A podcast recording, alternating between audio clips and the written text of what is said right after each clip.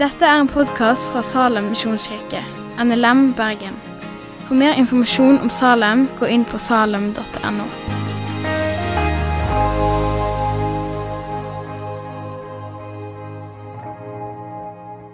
Jeg skal innrømme da at når jeg leste gjennom hva som var denne søndagens preiketekst, så tenkte jeg at det der er en litt utakknemlig oppgave.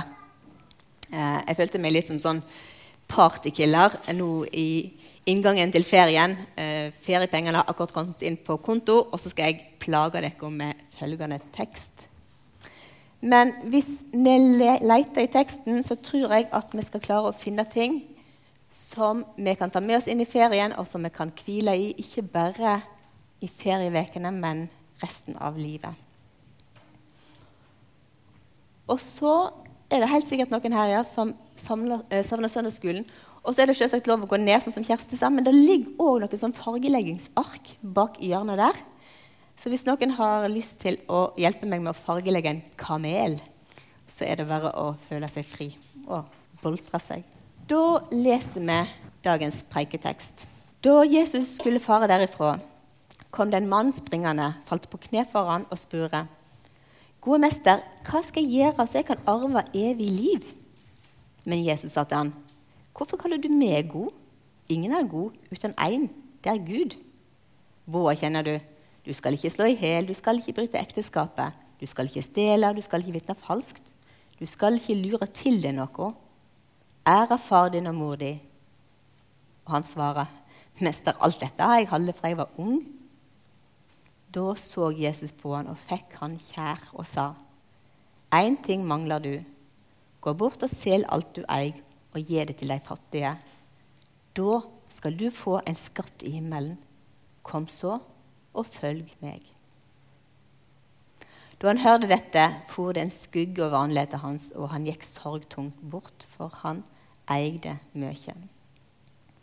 Da så Jesus omkring seg og sa til læresveinene sine hvor vanskelig det blir for de som eier mye, å komme inn i Guds rike. Læresveinene ble gripne av otte og undring over det han sa. Men Jesus tok til orde igjen og sa, hvor vanskelig det er, barna mine, å komme inn i Guds rike for den som setter sin lit til rikdom. Det er lettere for en kamel å gå gjennom et nålauge enn for en rik å komme inn i Guds rike. Da ble de rent forstøkt og sa til hverandre, hvem kan da bli frelst? Jesus så på dem og sa, for mennesket er det umulig, men ikke for Gud. Alt er mulig for Gud. Da fikk vi det på to målføre på en gang. Det var ikke verst. Det må ha vært en forvirrende dag for disiplene. Det har vært en underlig dag. Jesus han har en tendens til å snu alle våre forventninger opp ned. Alt vi trodde var sånn som ting trodde, vi trodde det var, snur Jesus på hodet. Og For å få med oss sammenhengen som denne teksten her står i, så tror jeg vi skal starte med versene som står i forkant. Og det er her forvirringen starter for disiplene. Jesus og disiplene blir blir oppsøkt av eh, foreldre som har med seg barna sine. Foreldrene ønsker at Jesus skal ta imot ungene og velsigne dem. Og disiplene, i god tro, forsøker å hindre dem. Og så sier Jesus, 'La de små barna komme til meg, og hindre dem ikke.' For Guds rike hører slike til. Og så tar han de imot og velsigner dem. Det er liksom dagens lærdom nummer én for disiplene. Jesus tar imot til og med små barn som ikke har gjort noe som helst for å fortjene det. De har ingenting å komme med. Og så er det i denne settingen her, i der Jesus er i ferd med å gå videre, at denne mannen her kommer springende og kaster seg på kne foran han med spørsmålet Hva skal jeg gjøre for å bli frelst? Hva skal jeg gjøre for å få evig liv? Og hvis jeg hadde vært der, hvis jeg hadde vært en av disiplene til Jesus, så var jeg litt redd for at jeg hadde tenkt at ja, ja, så bra som Jesus tar imot til og med de der små, ynkelige ungene. så vil han jo på en måte desto mer ta imot den her vellykka, på alle måter kjekke unge mannen som kommer springende, og som kaster seg på kne foran. Det skulle da bare mangle. For dette her, det her er en skikkelig bra fyr. Dette er en fyr som du virkelig har lyst til å ha med deg på laget ditt. Fortellingen her den, eh, blir gjengitt i tre av evangeliene. Både Matteus, Markus og Lukas forteller akkurat denne fortellingen her, men de, men de utfyller bildet litt av hva, for en mann dette her er. Matteus forteller at mannen er ung, og Lukas forteller at han er rådsmedlem. Det høye rådet i Jerusalem var liksom det øverste organet både politisk og eh, religiøst og økonomisk og juridisk. Dette var mennene som virkelig hadde mest makt og innflytelse. Og han her er et rådsmedlem. Det vil si at han her er en vellykka fyr. Han har makt og innflytelse, og han, har, eh, han klarer seg bra i livet. I tillegg så eh, framstår jo mannen her som utrolig både from og oppriktig. Han kaster seg, han kommer springende. Dette er noe som, som ligger ham på hjertet. Han ønsker å få svar på dette viktige spørsmålet i livet sitt. Hva skal jeg gjøre for å vinne det i livet? Hvordan bli frommere?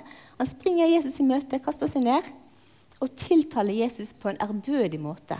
Mester. Gode mester. Og så kommer det fram av samtalen han har med Jesus, at han har virkelig gjort alt han kan for å leve et godt og hederlig liv.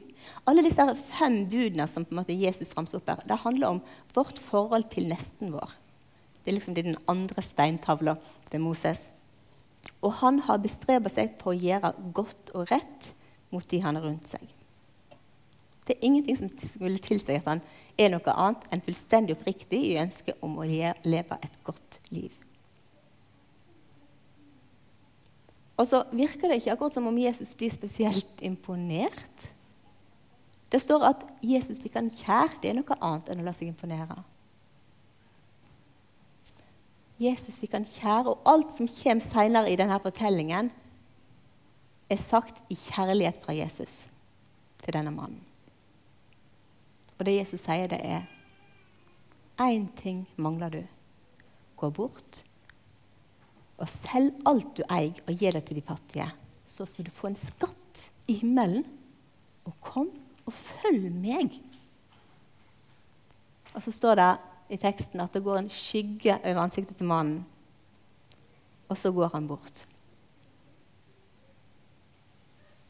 Så går han bort fra Jesus. Og Jesus vender seg til disiplene og sier hvor vanskelig det er å komme inn i Guds rike for den som setter sin lit til rikdom. Det er lettere for en kamel å gå gjennom et nålauge enn for en rik å komme inn i Guds rike. Og disiplene de blir sjokkert over det han sier. For de, vet, de kjenner seg sjøl, og de vet at hvis denne unge mannen her ikke heller mål, da er det ille ute for meg òg. Jesus snur forventningene våre opp ned. Det store blir smått. Det vesle blir løftet opp. La de små barna komme til meg, sa han. Guds rike hører slike til. Og det er lettere for en kamel å gå gjennom et nålauge enn for en rik å komme inn i Guds rike.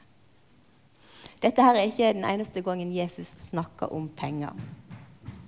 Bibelen sier overraskende mye om penger og forvaltning av pengene våre. Igjen og igjen så advarer Bibelen oss mot å stole på pengene våre og mot å gjøre pengene til en avgud i livet vårt. Jeg skal bare lese noen sånne vers. da. Vi kunne, vi kunne, holdt på lenge og lest vers som handler om måte, pengene våre. Men vi leser fra Lukasevangeliet. Sel der det eier, og gi gaver til de fattige. Få dere pengepunger som ikke kan slites ut. En uforgjengelig skatt i himmelen, der tjuver ikke kommer til, og møll ikke ødelegger. For der skatten dykker er, vil hjertet dykker være. Og i Matteus så står det Ingen kan tjene to herrer. Han vil hate den ene og elske den andre. Eller holde seg til den ene og vanvøre den andre. Du kan ikke tjene Gud og mammon. I første tim så står det for kjærlighet, for kjærlighet til penger er rota til alt vondt. Drivende den har mange farer ville og kommet bort fra trua. De har valgt seg sjøl mye liding. Og så kunne vi fortsette.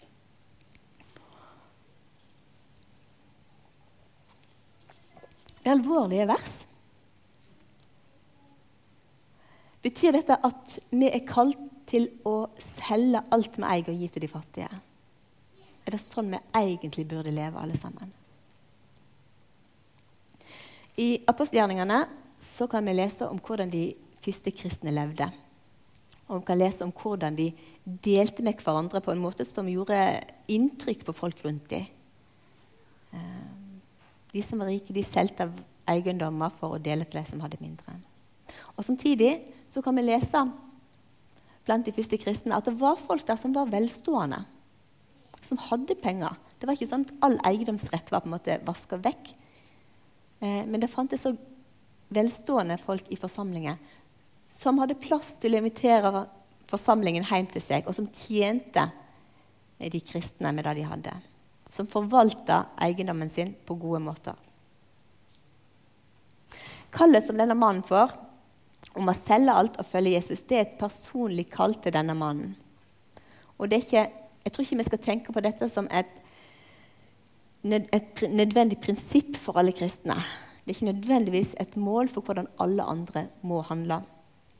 Men ansvaret for å forvalte det vi eier, til beste for nesten vår, det gjelder oss òg. Kallet til denne unge mannen her om å følge meg. Det minner om samme kallet som Peter, Andreas, Jakob, Johannes, Matteus og de andre disiplene fikk. De forlot det de hadde, fiskebåter, tollboder, og fulgte etter Jesus. Denne rike unge mannen får samme invitasjon som de disiplene.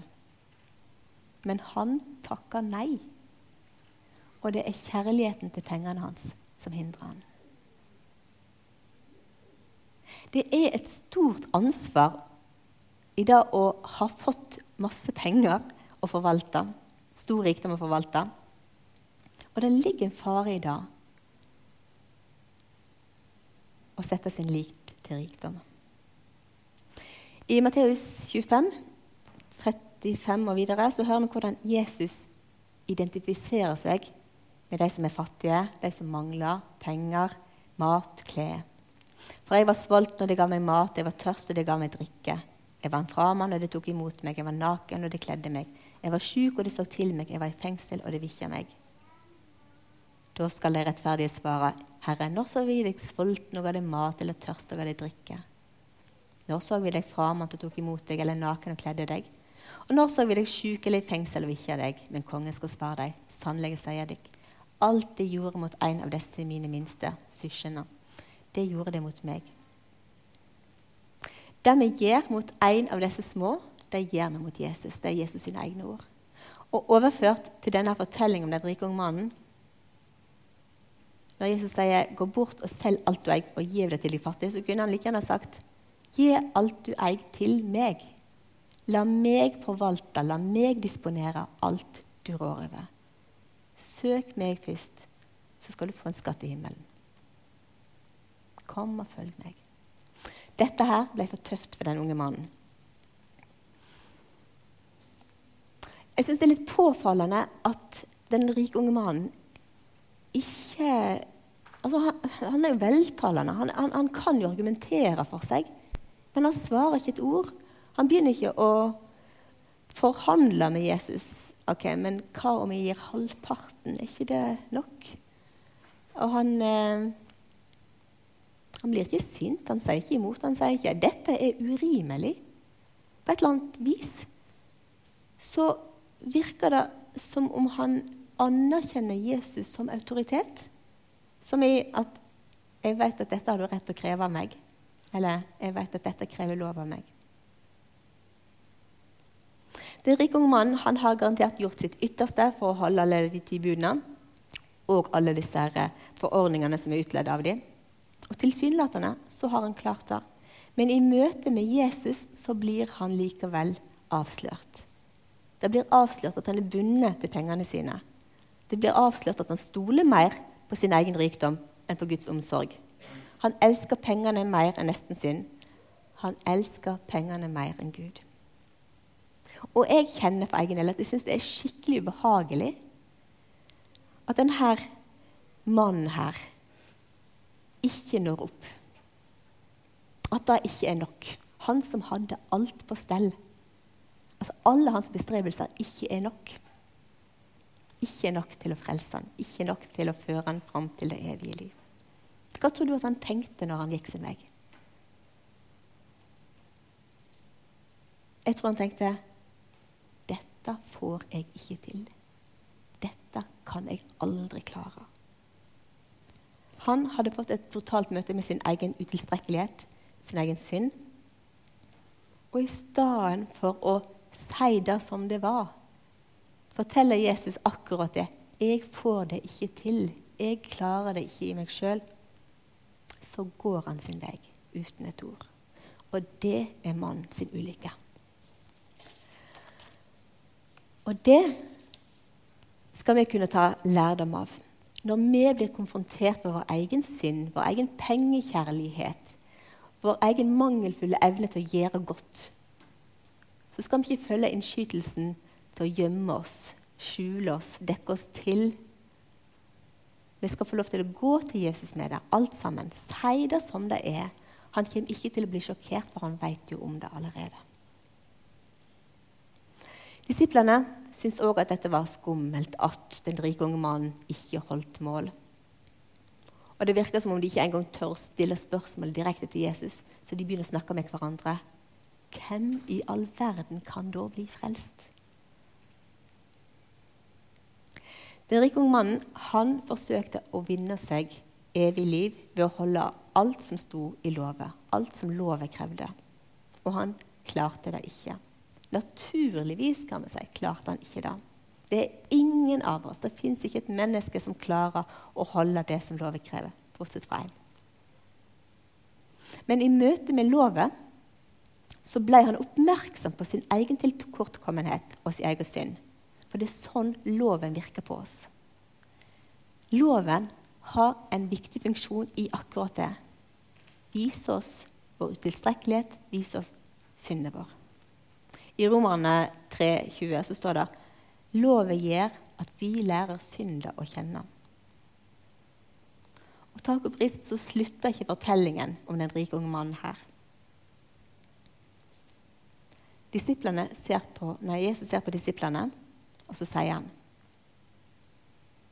Som svar på disiplenes spørsmål hvem kan da bli frelst? Så svarer Jesus for mennesket er det umulig, men ikke for Gud. Alt er mulig for Gud. Det er evangeliet. Det er de gode nyhetene. Alt er mulig for Gud. Det er ingen av oss som klarer å holde lovet. Det er ingen av oss som er god hele tida. Og det vet Jesus. Derfor gjorde han opp for oss. Det var det som skjedde da han tok med seg din synd opp på korset og sona for alt det gale som du har gjort. Jesus har betalt. Derfor skal vi få evig liv. Derfor skal vi få lov til å leve sammen med Han i evighet. Ikke som en arv vi kan kreve, men som en gave vi får av nåde. Den teksten her, den sier oss noe både lov, om lov og evangeliet. Loven den viser oss hvordan Gud vil vi skal leve, hvordan det er rett å leve. Og evangeliet forteller oss at vi blir regnet for rettferdige pga. det som Jesus har gjort til tross for at vi ikke klarer å holde loven. Vår neste trenger våre gode gjerninger. De fattige trenger at vi er rause og deler. Det er godt for oss å gjøre Guds vilje, men det er ikke det som frelser oss. Så det å skille lov og evangelium er utrolig viktig. Eh, Lov og evangeliet er omtrent som to adskilte lys som må skinne samtidig for at ikke begge skal slokne.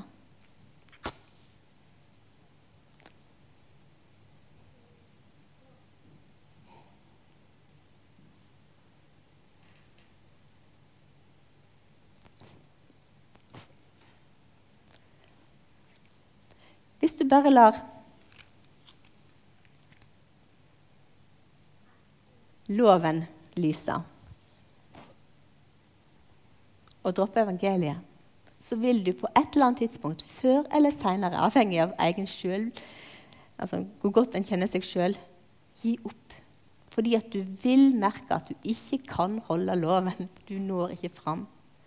Og så vil en bli motløs. Og så vil loven lyse. Lyset òg slokne.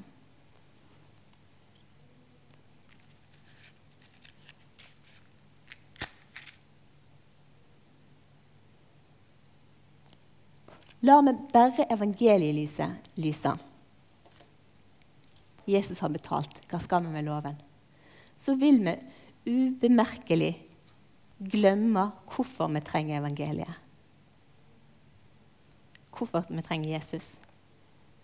Og så vil det òg slokne.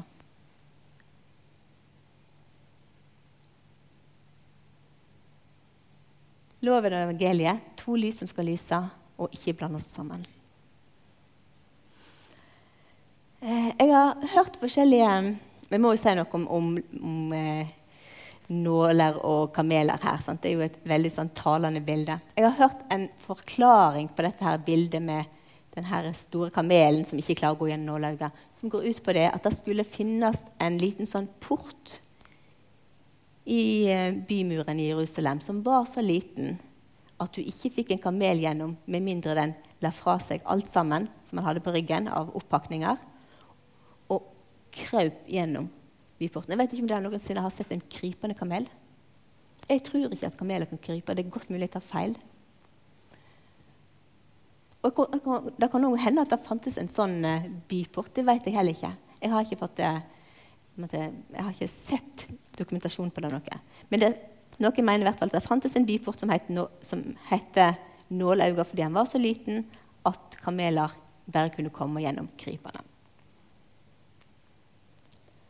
Jeg tror at hvis vi måtte, og Bildet høres jo veldig fromt ut på et vis, men jeg tror at hvis vi det, tenker for masse på det bildet der, så tror jeg at vi går glipp av det som er viktig her.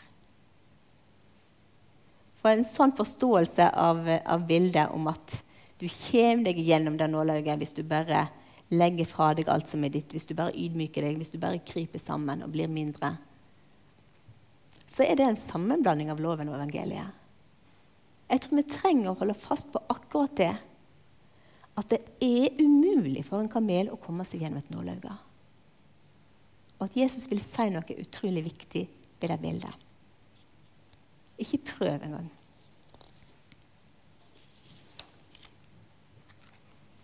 Hvor vanskelig det er å komme inn i Guds rike for de som setter sin lit til rikdom, sier Jesus. Og så kan vi legge til hvor vanskelig det er å komme inn i Guds rike for den som setter sin lit til egne evner, sitt eget intellekt, sin egen fromhet, sine egne gode gjerninger. Den eneste sjansen vi har, det er å ta imot Guds rike som et lite barn, som ikke kan gjøre noe fra eller til sjøl. Spørsmålet til den rike unge mannen hva skal jeg gjøre for å vinne evig liv? Er et meningsløst spørsmål. For svaret der vil være ingenting. Det handler rett og slett ikke om hva du skal gjøre eller ikke gjøre. Det handler om én ting, og det er hva Jesus har gjort. Amen. Takk for at du har hørt på podkasten fra Salem, Bergen. I Salem vil vi vinne, bevare, utruste og sende til Guds ære. Vi ønsker å se mennesker finne fellesskap, møte Jesus og bli disippelgjort her i Bergen og i resten av verden. Vil du vite mer om oss, gå inn på salem.no.